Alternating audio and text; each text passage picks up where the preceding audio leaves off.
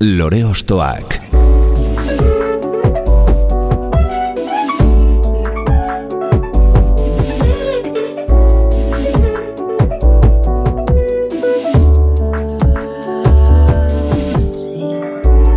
Ekain perezek aurkeztuta, gonbidatu bakoitza lore bat balitz bezala ostokatuko dugu.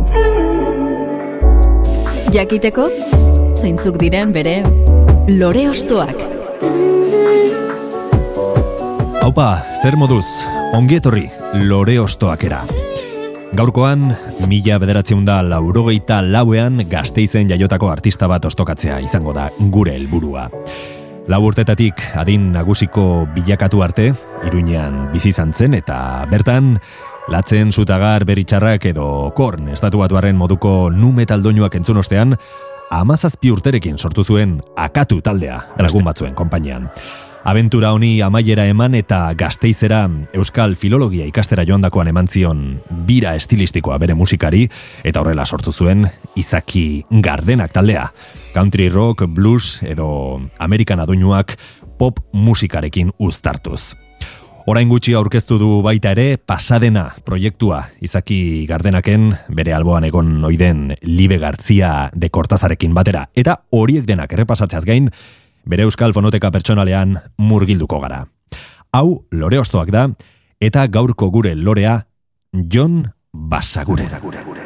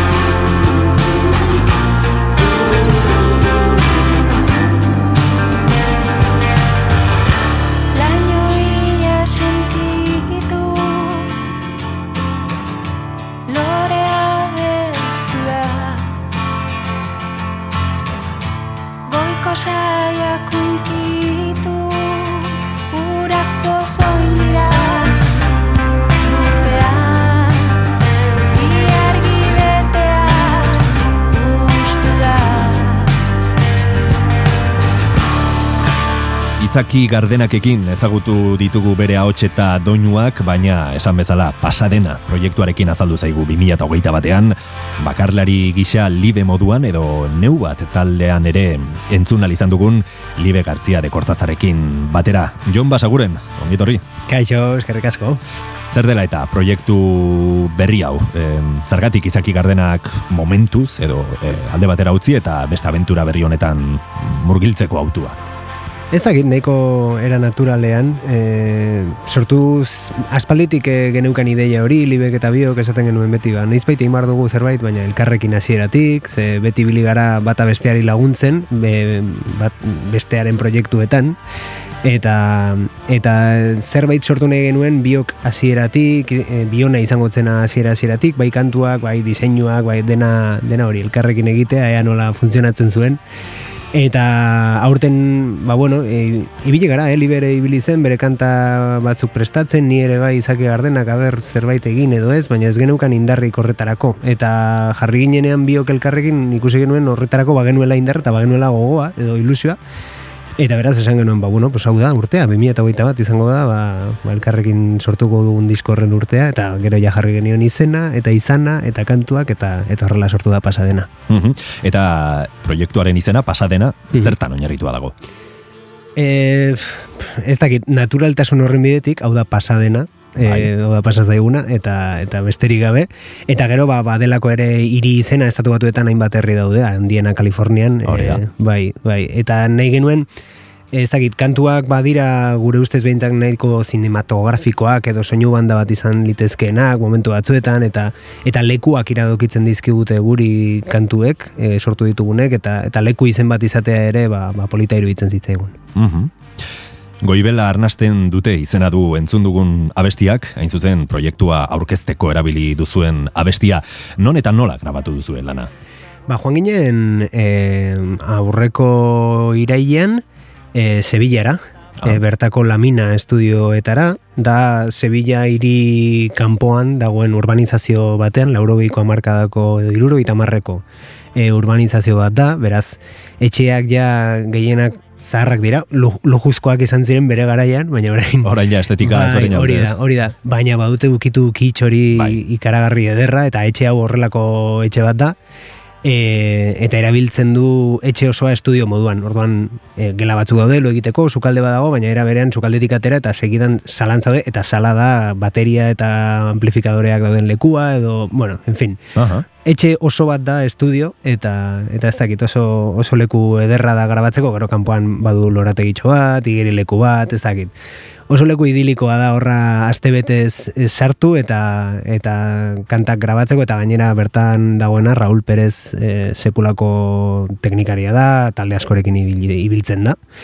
Eta, eta guri behintzat asko gustatzen zaigun nola tratatzen duen soinua eta gero nahasketak ere nola egiten dituen eta eta bere gana jo genuen. Bazenuten erreferentzia hori beraz, ez? Bai, bai. Bazenekiten ze soinu nahi zenuten. Bueno, eh, nahi genuen berak, berak Berak esatea, ematea. ze, ze soinu nahi genuen. bueno, ba, genituen erreferentzia batzuk, eta Bai. ba, nahi bat, eta genuen konfiantza osoa berak ulertuko zuela, eta eramango zuela bere terrenora, eta gustatuko zitzaigula. Mhm.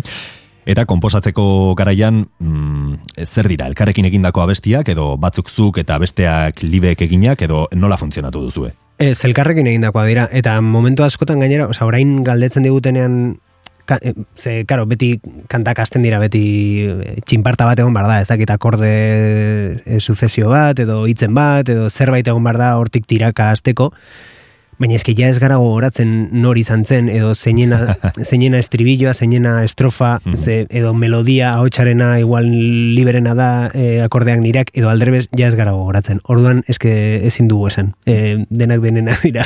Biak bat izan zarete, ez? Bai, bai, eta hori hori da ederrena gainera honena. E, ez dakigula esaten, bueno, ez dakit, ze beste proiektu batzuetan adibidez Oasis edo Beatles hartz- hartzen baduzu, kanta bakoitza da norbaitena, eta, Bai.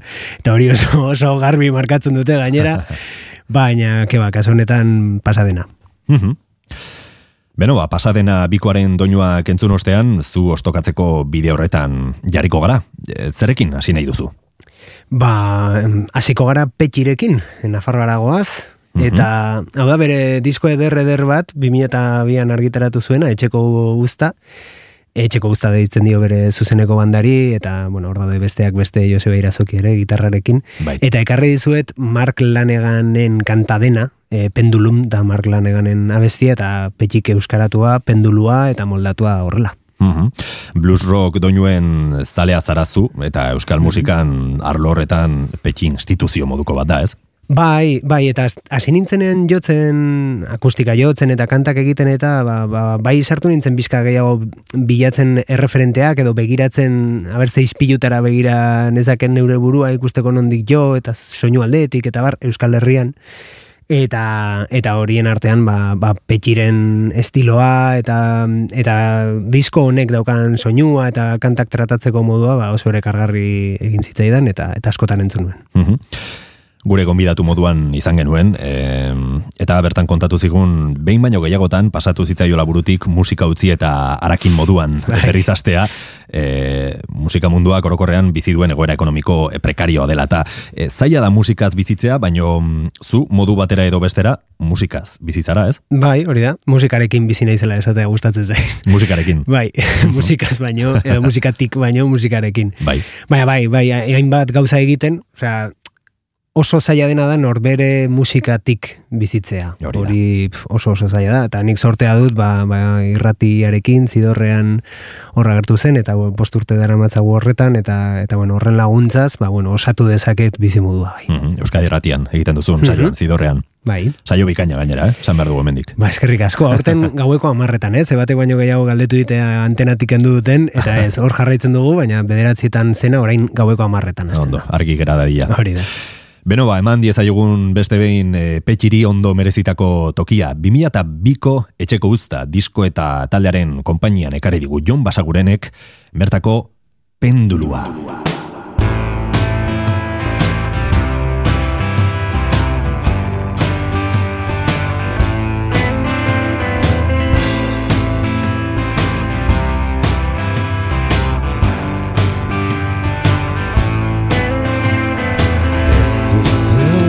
behar Ez dut deus erran nahi Ez dut deus inetxi behar. Ni naiz emaba naiz Zergatik azaldu. Ziur baldin bazaude Zergatik negarregin Yeah, for nine hours. Ah.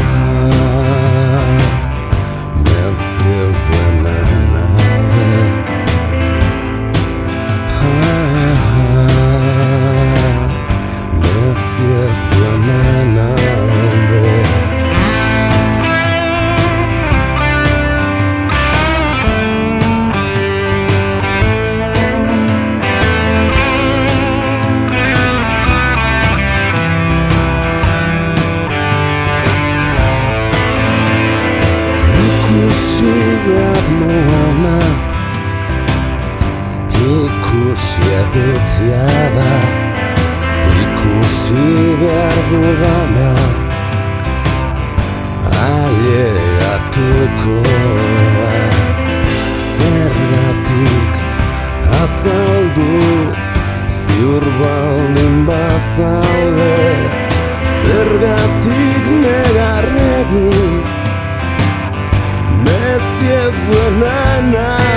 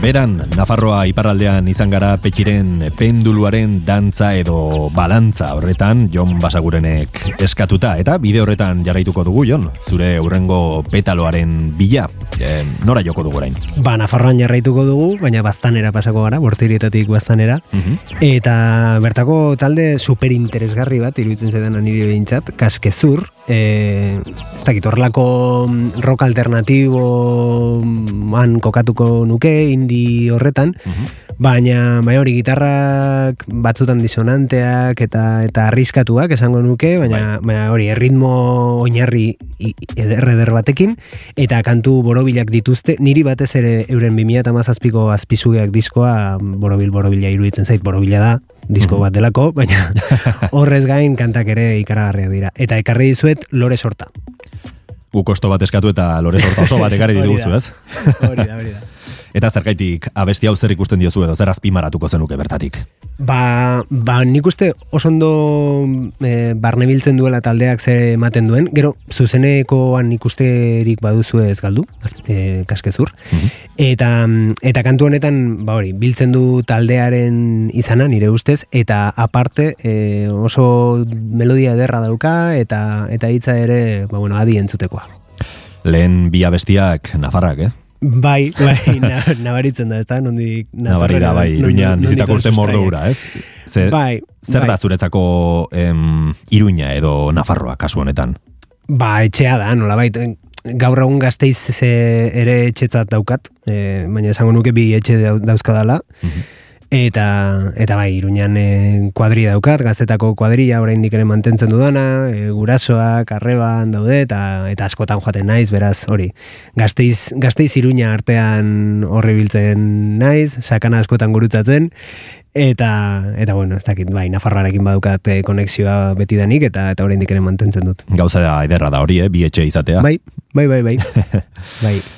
Beno, bagoazen esan bezala e, noise rock, indie rock edoinuetan murgilduz, e, Jon Basagurenen urrengo proposamen honetan, bastanetik esan bezala datoz, 2008ko azpizugeak diskoko kantu honekin. Lore sorta. Herrian komentatzen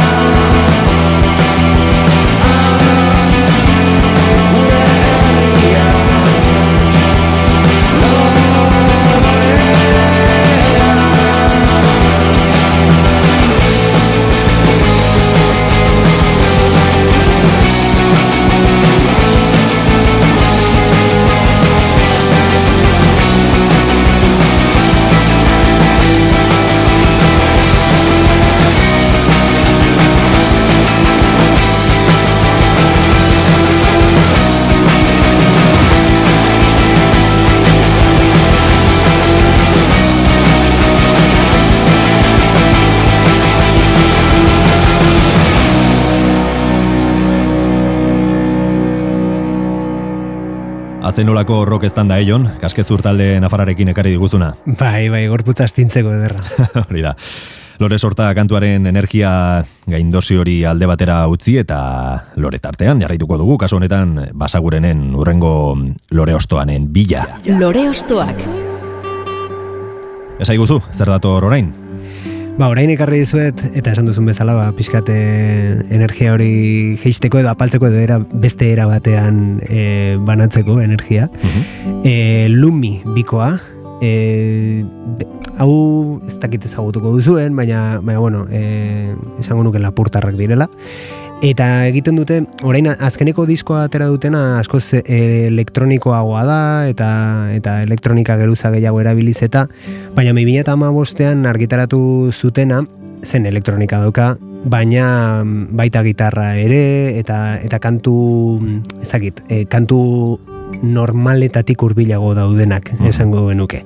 Eta bertan dago bat, askotan jarri dudana zidorrean, eta pila bat gustatzen zaidana, Leoi Enea. Ze proposamen pertsonala eta berezia eskaini digun lumik, eh? Elektronika eta folk edo eh, pop doinu intimista eta ameslariak uztartuz.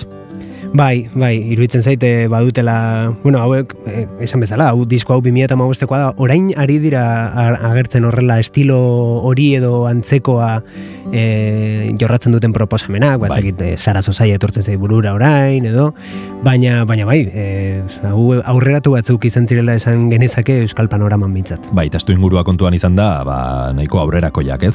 Eta esan bezala disko honetan, em, nahi azubeldiak bera kontatu zigun gaina, beste lore osto batean, eh, disko honetan oinarria em, gitarran dago, edo bueno, dira kantu estandarrago batzuk, baino gero bai elektronika kapak gehitzen joan ziren, ez? Eta horrela sortu zen emaitza hau, urrengo diskoetan agian elektronika izan da oinarria, orain uste dut disko berria prestatzen edo dabiltzala, e, ikusiko dugu zer, zer eskainiko em, diguten.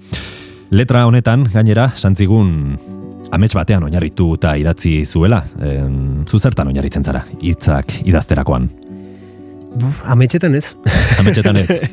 ez, baina, bueno, ez dakit, joaten naiz, azkenean nire hitzak izaten dira beti esaldietatik tirak ateratzen direnak, edo irudietatik, joaten naiz apuntatzen, e, nagoenean horrela prozesu horretan edo musika egiteko gogoz eta e, beti izaten dut alboan, bueno, orain mugikorrarekin erraza da, Bai. eta eta oharrak, oharrak hartu eta esaldiak apuntatzen joan, zehoze esan badidate eta eta gero esaldi horiek guztiak hartu eta ikusi da zentzua duten elkarrekin edo zeinek zeinekin eta eta horrela osatzen ditut puzzle moduan. Hori esan behar izun puzzle moduan, ez? Bai, E, bai, bai. Osatzen joaten zara oinarritzat hartuta esaldi bat edo, eta gero horri zentzua eman, ez? E, denak elkartzen, eta Bai, zentzua ematea izaten da zaiena. edo bueno, ikustea zentzurik duten edo nora Bai. doazen, askotan ez duzu kontrolatzen ere nahi duzu egin disko bat ez daki zeri, zeren ingurukoa eta ateratzen zaizu beste En fin, ikasi dut ez, kontrolatu ez, ezina dela eta eta nahi horretan ez nahi sartzen. Mhm. Eta bueno, e, hori ere polita dera, ez? E, zerbait Bai. kontrola ezina denean, ba, askatasun hori ere izan dezakez. bai, bai, bai, bai, zero. Elektronika zalea zarela esango zenuke edo nahiago musika organikoa. E, organikoa nahiago. Eta ez dut kontrolatzen, osea, iruditzen zait inter, gauza oso interesgarriak gaudela, entzun izan ditut gauza oso interesgarriak, baina ez naiz iristen. E, karo, abarkatzea egiten den musika guztia eta estilo guztiak imposiblea da.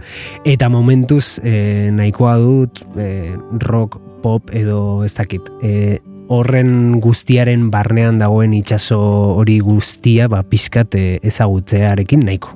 Mhm. Eta bestea, ba, noiz behinka, ba, iristen dira gauza interesgarriak eta diskoren bat eta, ba, igual, bestea baino gehiago iritsiko zait eta entzungo dut, baina, baina puntualagoa da. bueno, eta zidorrean eh, saioarekin gainera egongo zara, ez? eh, Denetik entzuten eta horrek eramaten Bai. zaitu baita ere, ba, e, musika bilatzera, ez? Eta gauza ezberdinak entzutera, naiz eta zu agian zentratuta edo e, gehiago e, babestentzaren, ba, doinu organikoetan, ez? Batez ere sortzeko garaian, noski. Bai, bai, sortzeko garaian zalantzarik gabe, horretan sentitzen naiz, e, ez dakit, identifi- identifikatuago, edo, edo hor, hor aurkitu dut nire ba, adierazteko modua, Mhm. baina bai, gero zidorreanekin eta oso eskertutanago, ba, ba hori ikuspegia asko zabaltzen dut, eta eta batez ere Euskal Herrian egiten den guztia entzuten saiatzen naiz, ze hori bada barkablea, Mhm. eta munduan egiten denaren zatitxo bat. Ziburu eta Donibane loitzune artean sortu zuten, naia zubeldiak eta Manu Matisek el, Lumi Bikoa, eta intzuzen, 2000 eta amabosteko lehen lan hartatik hartuko dugu, Leoi Enea.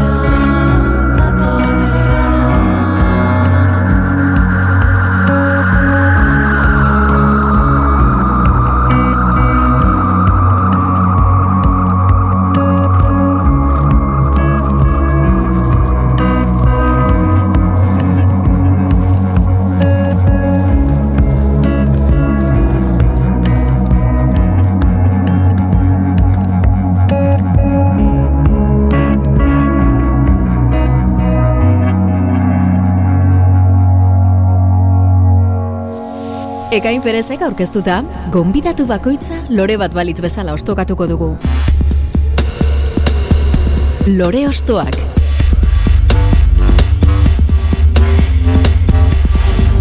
Lumi taldeko naia zubeldiak amets bat izan zuen eta horrela sortu zuen leoi enea entzun berri dugun kantua. Baina donu ameslari horietan, zugen naiz leoi artean, ibili ostean, lokatzetan edo loian sartzeko pres gaudez. Bai, hori da. J. Peloian. Mhm. Zea bestirekin edo... Ba, ba, disko bakarra du. Bai, hor, horrez dago asko aukeratzeko. Es, espero dezagun besteren bat etortzea, noizbait. Joseba Ponzeren bakarkako proiektu gisa uler daiteke J. Peloian, e, besteak beste dut edo kuraia taldeetan ibilitako Joseba Ponce. Eta, eta hori argitaratu zuen 2008an, J. Peloian eta klonen klana, sekulako diskoa da, soinu aldetik iruditzen zait izugarria, eta gero zera berezian osatzen dituen doinuak eta gitarra jotzeko modua ere, ez dakit, e, iruditzen zait oso pertsonala del- dela egiten duen guztian, eta hau disko borobila da. Ekarri dizuet, ez dakit, eh? Osea, aukeratu dut, mm, baina ekarnezaken diskoko beste edo zein kanta, ze, ze ez dakit. Disko osoa, ez? Bai, bai, eske diskoa da, ez da Bai. kantaz kanta e, banatu daiteken zerbait, niretzako diskoa oso, oso osoa da, kasu honetan. Mhm. Baina, bueno, ekarri dizuet, ez eguna. Haze proposamena egin ziguna Joseba Ponzek 2008an JP Loian eta Klonen Klana izeneko mm, album, e, bideo eta orokorrean unibertso horrekin, ez? E, sortu zuen unibertso oso bat. E, esan duzu, disko bakarra du, baino e, alperrik da apaintzia lehen aurrerapen horrekin eta bideoarekin eta jadenak engantzatu gintuen, ez? Bai, bai, bai, eta gero zuzeneko gutxi batzuk eskaini zituzten, izan nuen sortea horietako bat baino gehiago ikusteko. Eta, eta ez dakit, e, tartean gainera Libe García de Cortázar ibilitzen zuzenekoetan e, teklatuarekin eta hotxekin, bai, bai, bai. Diskoan bai, bai. bertan ere sartu zituen, hau Bai, batzuk, ez? Alperira apaintzea kantuan okerez banago. Hori da, hori da. Mhm. Beraz, ba, bueno, gertutik ezagutu nuen disko bat da, eh, argitaratu baino lehen ere zeo zer entzun nuen, eta pixkate, joe, izan zen lujo bat, horrelako disko bat, ba, prozesuaren bukaeran bakarrik ez, aurretik ere pixka bat, eta gero nola ensaiatzen ibili ziren, eta ez dakit, prozesu guztia kanpotik begiratuta, e, boaier gisa, baina ezagutzeko modua izan nuen, eta ez dakit, e, horrek ere nik uste eragiten duela, ba, ba, diskoa bera eta bertan dauen unibertso hori, ba, ba, are gehiago baloratzea. Mhm. Kuriosoa da eta mm, asko errepikatzen dut hau, baino oso azpimarragarria da, a, em, artistek eskatu ohi dituzuen lore ostoen artean gehienetan dago esaterakoa nari, ikusiko dugu zure zerrendan sartu den edo ez, eta beste ia fijo bat da JP Loian. Mm, badu zerbait, diskonek, batez ere esango nuke musikarien edo musika egiten duzuenon artean oso errotuta dagoela, ez? Pues igual bada musikarientzako musika. Bai, ez? ez dakit, bai, bai, izan daiteke, zaikoizpena ere oso ona da, dituen detaileak, eta dena oso mm, artisau eran egina bezala, eta eta nik uste ba, inspirazio iturri dela. Mhm, Bai, ze gero ez da disko mainstream bat esan dezagun e, e, publiko askoren iritsi dena, baino bai da e, ondo errotuta geratu den lan bat, ez? Bai, bai, bai, zalantzari gabe, ba, e, esaten zaie ez, ba, hor baudela mm, artista batzuk, ba, gian ez direnak iristen e, masibo izatera, Mhm. baina gustatzen zaionari pila bat gustatzen zaiola, eta eta horietako bat, ba, zalantzari gabe. Dut eta Kuraia taldetako pieza garrantzitsua izan zen Joseba Ponce eta esan bezala 2008ko zoramen honetatik berreskuratuko dugu beste behin bere ondarribiko laborategi musikal horretan egindako doinuetako bat. Hau da, ez eguna. Egun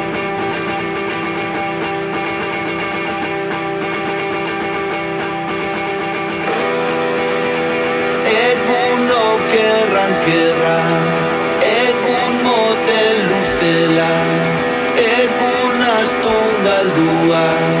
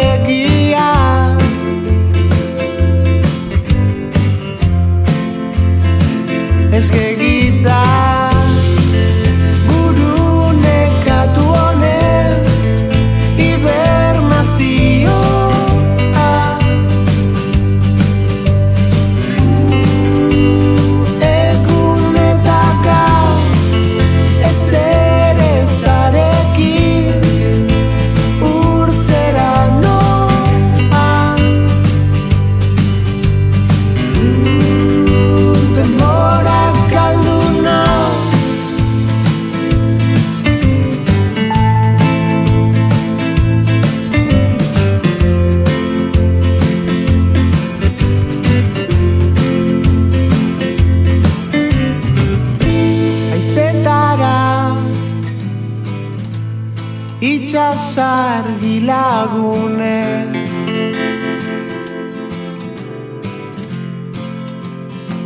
Bidalita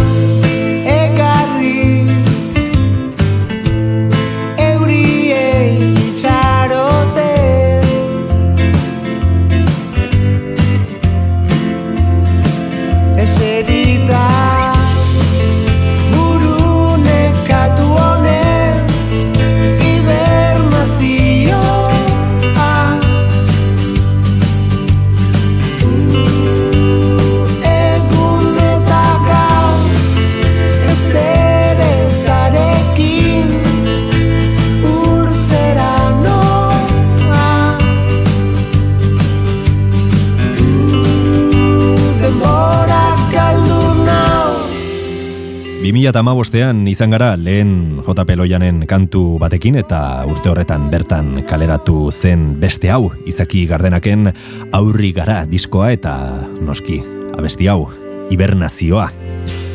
Jo Masaguren esatean askori burura etorriko zaien lehen hitza edo doinua izango da ziurrenik hibernazioa. Zer suposatu du zuretzako abesti honek eta urteak joan diren honetan ze harreman duzu kantuarekin?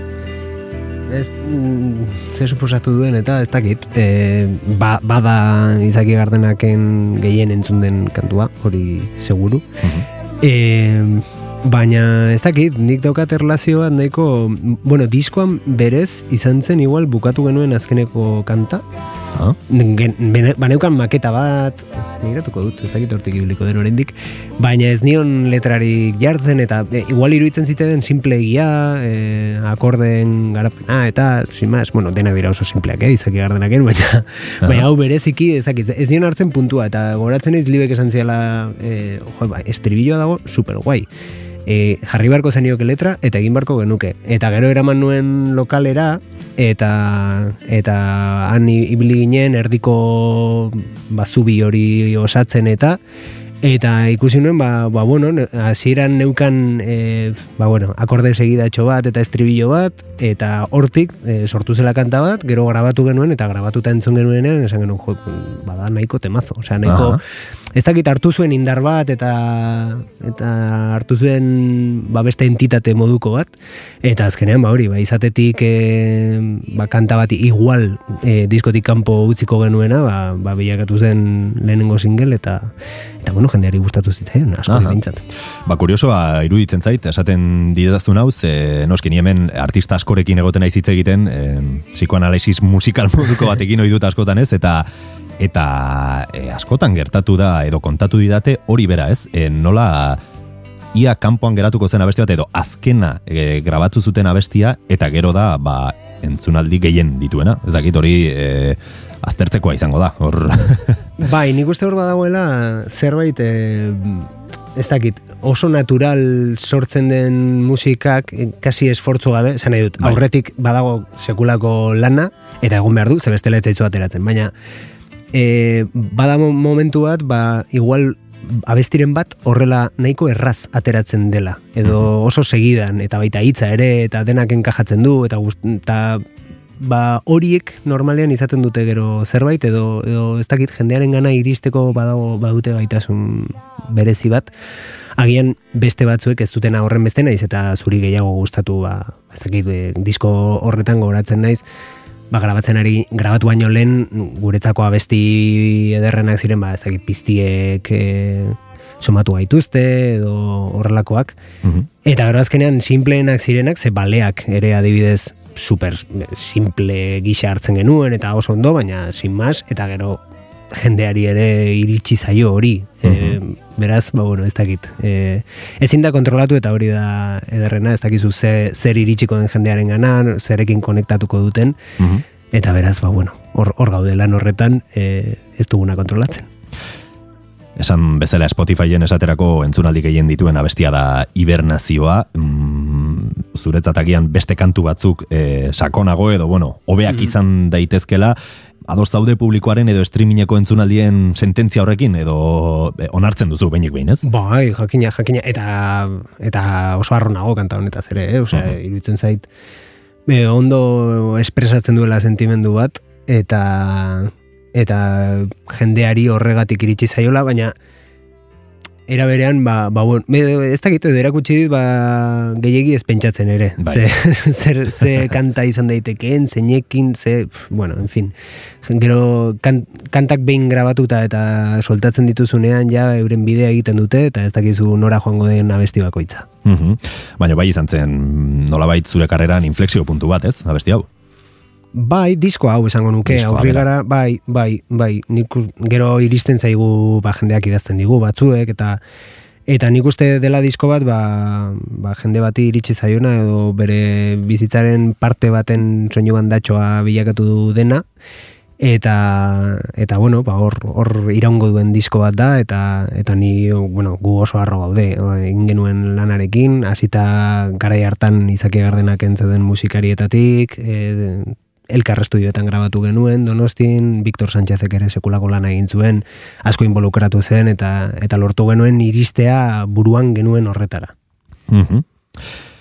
Hibernatzeari utziko diogu dagoeneko, izaki gardenaken kantu borobilau entzun ostean, eta segidezagun beste kantu eta artista baten bila, beste lore osto bat kenduko dizugu, Jon. Ba, gusto handi, zekarri dizuet, bueno, orokorrean saiatu nahi zekartzen horren ezagunak ez diren kantak eta artistak batzuk ezagunagoa dira, Bai. Baina orokorrean ez dira super mainstreamak edo e, irratian pila batetan entzun ditugunak. Eta ekarri dizuetan hau, agian da ez ezagunena, ze, zekarri dizuet Iñaki Larraioz izeneko musikari baten proiektua, bera ultzamarra da, begira egin dugu e, bortzirietan egon gara, bastanen ere bai, orain ultzamarragoaz. Nafarroan. Nafarroan, hori bai. bai. Eta, mm, eta bera gaur egun badakit e, ba, ba inigo astizen oso laguna delako eta orain inigo astizekin askotan egoten naiz dugun emanaldi baten karira. Bueno, eta orain ari dela lutier gisa eta eta horla tramankuluak egiten musikaren inguruan eta baina baina argitaratu zuen disko bat 2019an grabatu zuen e, inigo irazokiren estudioan, beran, Beran, hau- hau bai. Eta iritsi zitzaidan eta gustatu zitzaidan pila bat soinua em, eta nola tratatzen zituen kantuak eta iruditzen zait horlako mm, ba hori pretentsio handirik gabe egindako zerbait oso intimoa dena eta eramaten zaitu horretara eramaten zaitu intimotasunera eta eta oharkabean ia pasa zen jende askorentzat, baina, nik noiz behin jotzen dut e, disko horretara, eta ekarri dizuet pixka bat singela izango litzatekeena diskotik. Bueno, Iñaki Larraioz e, izen artistikoz larra bideak, horrela jarri zion proiektuari, eta hau da zerua. Mhm. J. Peloianen kasuan bezala honek ere instrumentu guztiak berak grabatu zituen, mm, zuk bateria ere jotzen duzu gitarraz gain, ez? jotzen nuen, jotzen, Jotzen nuen, zenuen. eta oso gaizki, baina. Ah, bai. bai.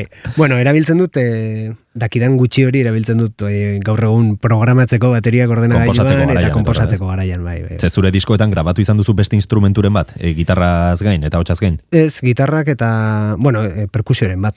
Ah. Pentsatzen dut, grabatu dudala. Igual ez du grabatu perkusiorik ere. eh? Gitarra akustikoak eta elektrikoak. Bai.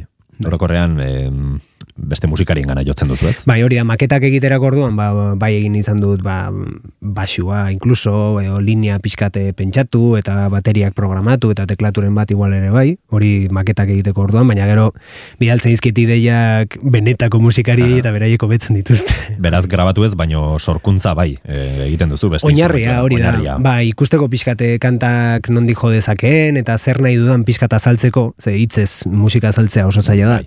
Ordan ba, pixkat jo badezakezu, eta esan, ba, begira, horrelako zerbait, eta eta bidali konfiantzazko norbaiti benetako musikaria dena eta ona dena, eta bera, beraiek itzultzen didate hor E, normalean izaten da kriston subidoia, ze zuk duzun maketa txatxu horretatik, ba, Bai, zerbait garatua entzutea? Itzultzen zaizu zerbait, ba, ederra, ederra, bai. Mhm.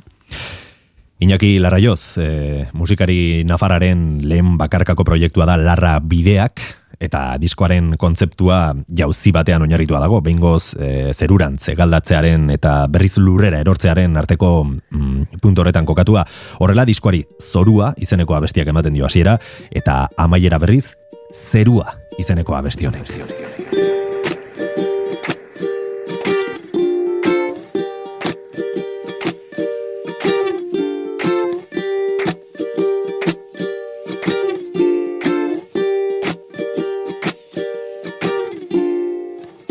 Balea baten konkorra.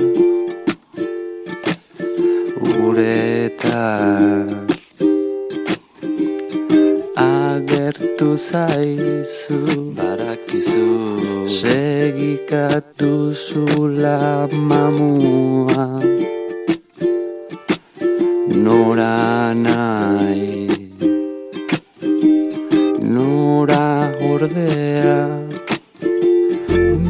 Barkatu duzunak Ez zaitu barkatuko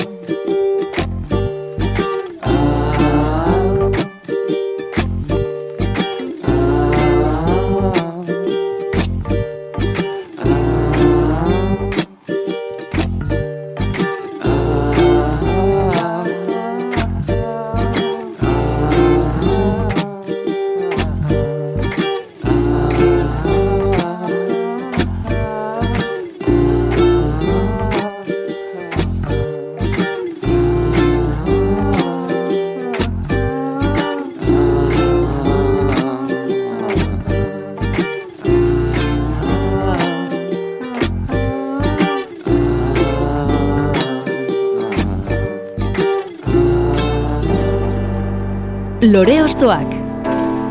Gonbidatu bakoitza lore bat balitz bezala ostokatuko dugu.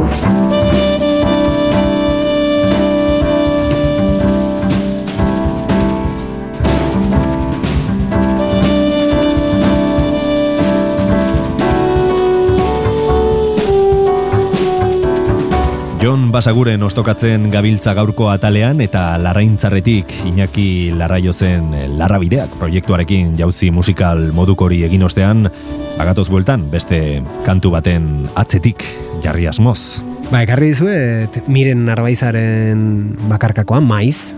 E, bueno, miren, e, mirenena hotxa eta, eta bera, ezagutu nuen napoka iria proiektu ederrean, gara hartan Ander Mujikarekin, ibiltzen ziren biak, napoka iria gisa.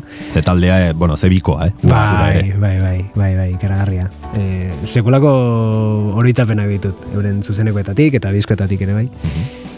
Baina hori gero e, banantzea erabaki zuten, e, e, eta musika bakoitzak bere aldetik egiten jarraitu du, handarrek argitaratu zuen bakarkako lan bat, e, instrumentala ia, osorik, eta gero aparte ari da anariren gitarra jole gisa, eta mirenek sortu zuen maiz, e, eta momentuz dauka disko luze bat eta eta EP bat, disko txiki bat, eta hartu dut disko luze hori, lehenengoa 2017an argitaratu zuena, eta bertako kantuetako bat aukeratu dut, naiz eta hau ere iruditzen zaidan dela, ba hori, diskoa osorik aditzekoa, zertarako iraun aukeratu dut. Mhm, Abestiarekin diskoa bera irutikatu nahi duzu ez?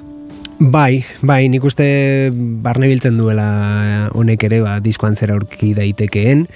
Naiz eta ekoizpen aldetik ere badauden kantuak bata bestearen gandik eh, desberdinak direnak eta baina baina bai honetan iruditzen zaite ba hori mirenen ahotsa ere argi entzuten da eh, hor dago doinua berak sortzen dituenak eta bere kantatzeko modua eta eta labur biltzen du pixkat diskoak eh, ekartzen duena.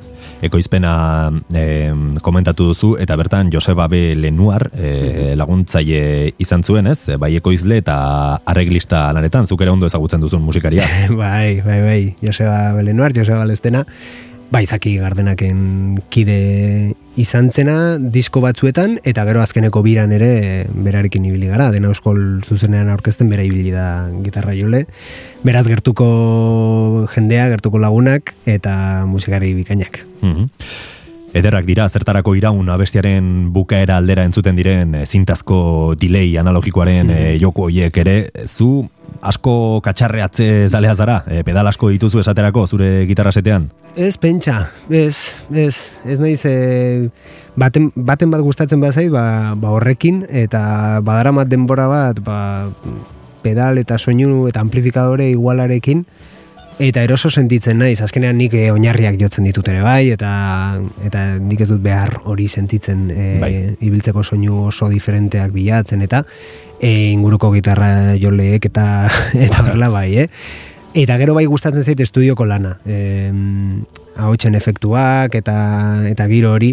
Eta hain justu ere maizek Josebarekin batera osatu zuen diskoa eta gero gainera grabatu zuten lehen aipatu dugun estudioan, e, Inigo Irazokirekin. Eta Inigo Irazokik e, esan barra dago dena analogikoan grabatzen duela. Hori da, hori da. Zaki gardenakekin ere grabatu ditugu kantu batzuk bertan, e, arrazoi horregatik nahi genuelako analogikoan grabatu eta eta eta bada egia ba, baduela beste goxotasun bat edo beste bero bat duela e, han grabatuta. Ez dakit hobea den, okerragoa, digitalean baino, ez dakit hori bakoitza, bakoitzaren gusturako, baina badu zerbait berezia eta eta merezi du noizbait horrela grabatzen saiatza. Mhm. Ardezagun ba gurean, miren arbaiza edo maiz, 2008ko disko homonimotik, Jon Basagurenek ekarri digun kantu honekin. Zertarako iraun. Zu Ez duzu iraun nahi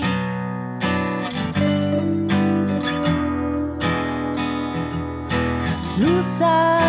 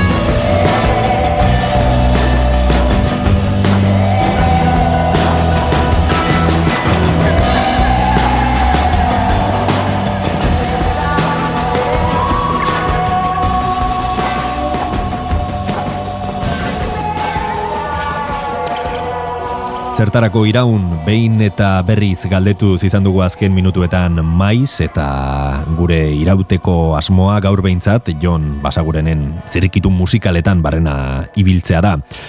Miren narbaiza alde batera utzi eta beste artista baten bila joko dugu. Lore Ostoak.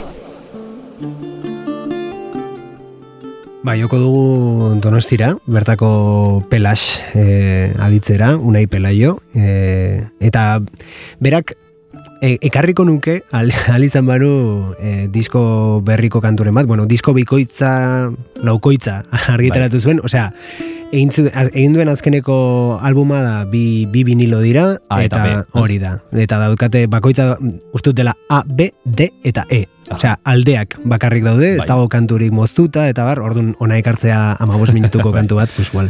Eh, saio osoa beteko nuke horrekin, ez? Baina, baina, bueno, azpimarratu nahi dut disko hori, ze iruditzen zait, edo bi disko horiek, ze, ba, e, sekulako lana egin du, estudio bera, ez da nahita izan, baina estudio berean grabatua da Ah. hori ere, eta, eta bueno, e, horren ordez, ekarri dizuet bere aurreko diskotik e, kantu bat, e, sua dela badio, eta ba, pizkat niri iruditzen zait, e, edo e, antzekotasuna ikusten diot estilo aldetik eta eta jotzeko aldetik, bak, igual kaskezurrekin, lehen Mhm. aditu dugun kaskezur taldearekin, naiz eta kaso honetan e, pelasek igual jotzen duen batez ere disko honetan gehiago ba, blues e, puntu batera, nolabait, eta gutxiago indira, baina baina horixe, hau da sua dela badio.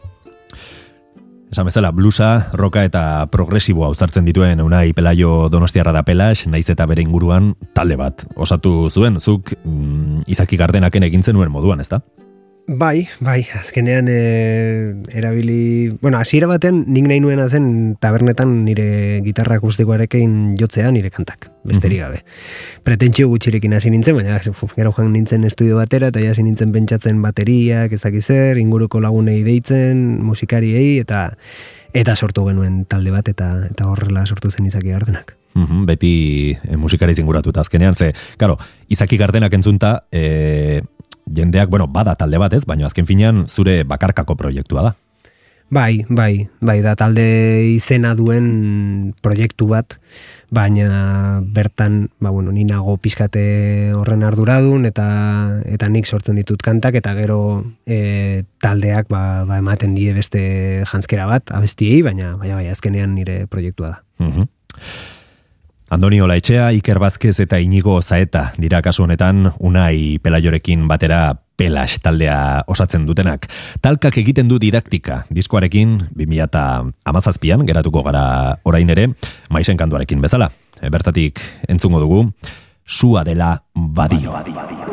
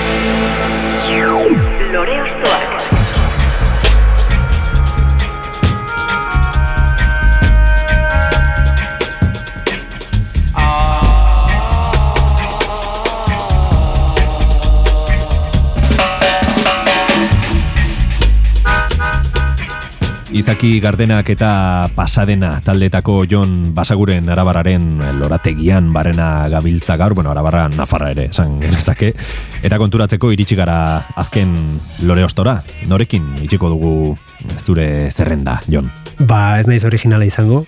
Aipatu duzu anari asko e, eskatzen dutela edo zerrendatzen dutela eta eta ni ere naiz e, ba hori salbu espena izango.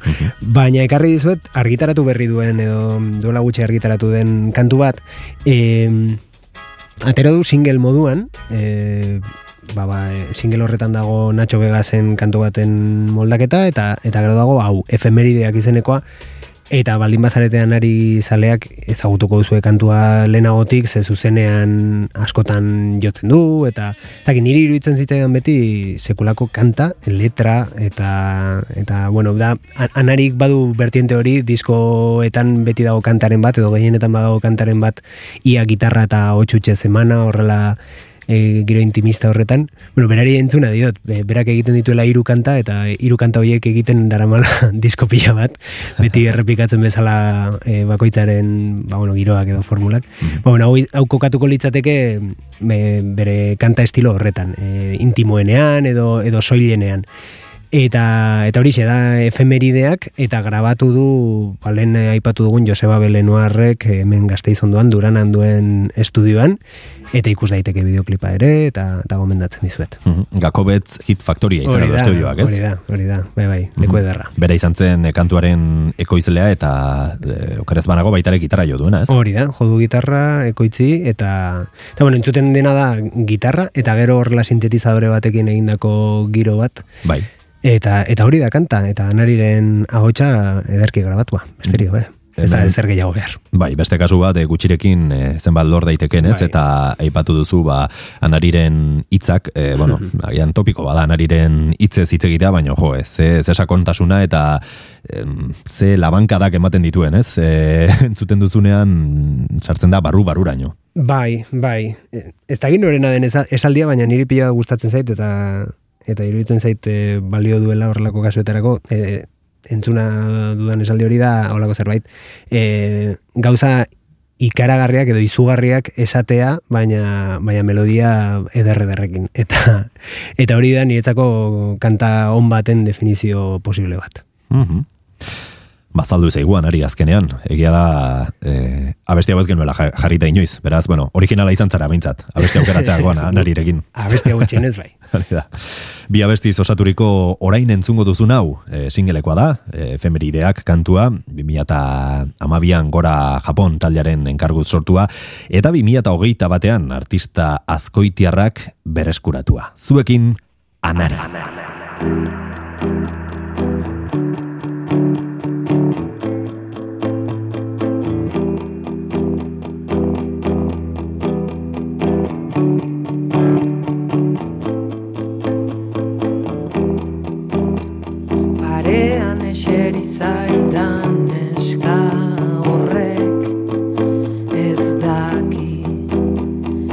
Berak daraman jertxea erantziniola beste bati. Barrurantz begiratzen du berak leiotik Alako kotxe gorri baten maitatu zuen aspaldi. Kotxe gorrikoak ikusi du kalea gurutzatzen. Biotzak salto egin dio giratu da eskerrak bera ez den. Ez dena bada beste norbaitentzat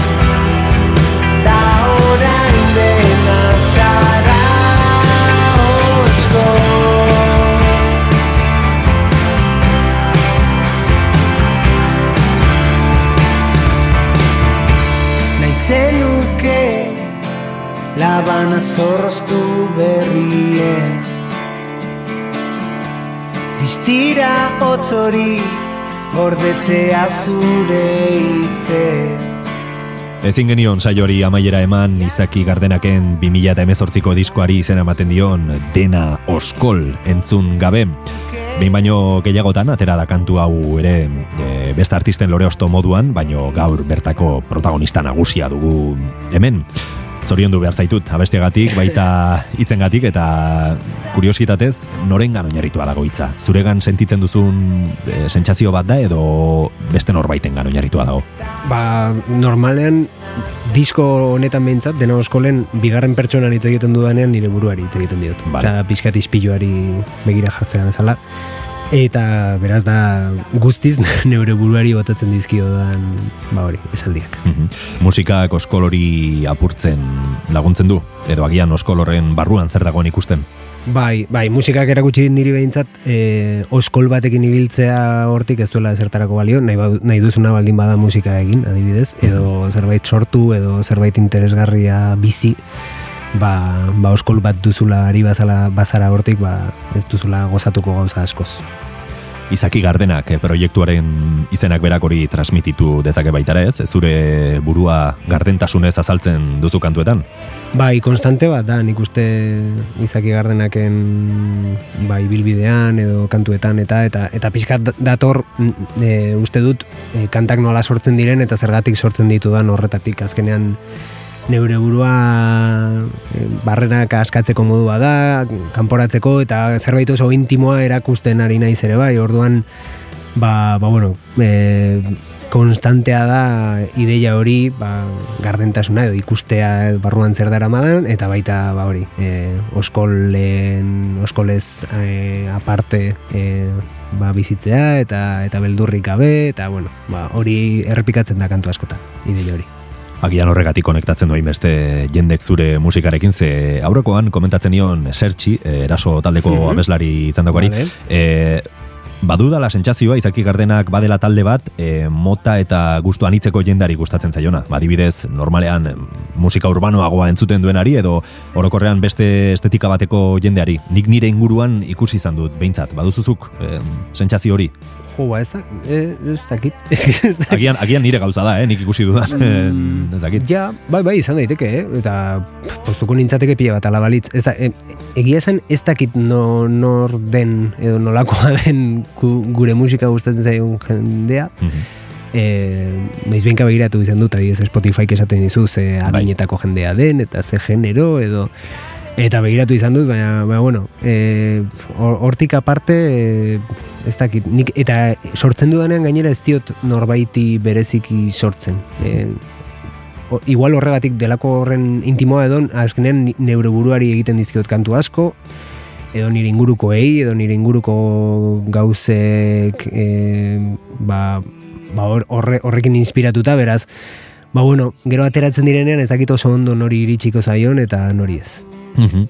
Baina argi dagoena, edo bueno, nik horrela ikusten dut, e, jendeak errespetua diola e, izaki gardenaki, eta bueno, ba hori e, irabazitakoa dela, eta noski orain pasadenarekin, ba, ba ziur gauza bera gertatuko dela, orain hasi berriak zarete, baino, baino mm, ziur bide oparoa izango duzuela aurretik.